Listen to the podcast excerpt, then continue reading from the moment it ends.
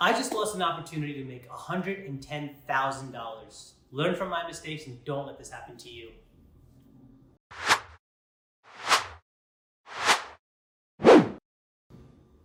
This story starts back on Monday, April 26, 2021, with me sitting in my office making cold calls to my list of motivated sellers. One of the calls I made that day was to a three bedroom, two bathroom rental listing on Craigslist. This unit was one half of a duplex in the desirable town of Northeast New Jersey. Now, cold calling rental listings on Zillow and Craigslist is one of the few strategies I use to find off market investment properties. In my head, a landlord sitting on a vacant unit makes for a much more motivated seller. So I called the number in the listing, and after building some rapport, I asked if the landlord would be interested in selling the property. Now, the person I spoke to was just a landlord's rental agent, but they asked me to come and see the unit in person so we could discuss things further. So I drove out to the property the, later that same week, and as soon as I got there, I found out the owners of the property were going through a divorce, and the court ordered them to liquidate all of their assets as part of the settlement. Now, this is a terrible situation for the sellers, and I really feel bad for them, but quite honestly, it was music to my ears. Before I left that meeting, I also found out that this couple owned over 40 small multifamily properties in Northeast New Jersey. So I raced home and I started running my numbers. We made an offer on that property immediately and closed on it about two months later. Then we went under contract to buy another duplex shortly after. This is where things start to fall apart. My partners and I couldn't acquire the entire portfolio of 40 properties at once, so we decided to prioritize a handful of properties so we could take them down in smaller chunks.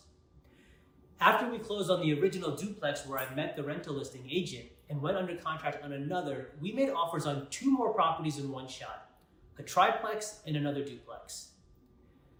Thankfully, the sellers accepted both offers. We offered 664K on the triplex and 551K on the duplex. We tapped our investor network and found buyers for both properties. We were going to sell the triplex for 700 and the duplex for 625.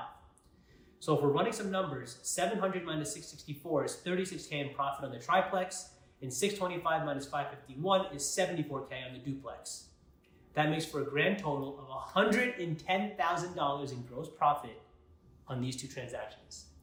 The duplex alone was going to be our biggest deal yet. But then we got stuck in attorney review. The sellers were delaying. We followed up with our attorney on a daily basis, but things just weren't moving along. Now, in a normal transaction, attorney review should last anywhere from three to five business days, but we were sitting ducks for like two or three weeks. This was weird because we got out of attorney review on the first two deals super quick, and then we finally got the call the deal is dead. It turns out, as soon as we went into attorney review, the seller's agent listed the properties on the MLS as pending. And now changing an active property to a pending property is par for the course when a property starts out on the MLS. However, this was an off market opportunity. So you might be wondering why were there agents involved? The sellers were represented by a court appointed agent. There was no way around it. Although these properties weren't listed, the seller had a contract with this agent that required all sales and dispositions to go through her. We also decided to have an agent represent us as buyers. Remember the guy that I met at the three bedroom, two bathroom unit? We brought him onto our team because he had an inside track with the sellers. He was already listing vacant rental units for them.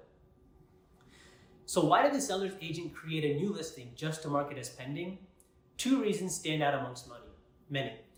One, she wanted to get recognition and credit from the brokerage, which is understandable. And two, she wanted to drum up new business, which was extremely effective.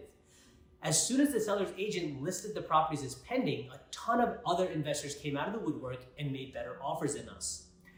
The sellers gave us two hours to come up in price on both assets. They now wanted 700K for the triplex and 640K for the duplex. We couldn't move forward at those prices. Our profits were eviscerated both deals ended up going to another investor who wanted to pay retail value. And unfortunately for us, that's just the real estate market that we're in today. After going through the five stages of grief on losing this opportunity, my partners and I did a post-mortem. Here are our three takeaways going forward, and I hope they help you as well. Number one, stick to your numbers. We had enough margin in both deals to come up in price, but we could not meet the seller's request at the 11th hour. We had to let the deal go. Number two, when working with an agent on an off market listing, make sure the agent does not list the property as pending until you're out of attorney review. And number three, expedite attorney review as much as possible so someone else doesn't come and steal your deal. I hope you got some value out of this video, and if you did, please hit the like button and subscribe so you don't miss my next one. By the way, what do you think of my three takeaways? What's something you do different? Drop your in- answers in the comments below. And lastly, if you want to learn how I directly market to distressed sellers, there's a link to that in the description down below as well. See you next time.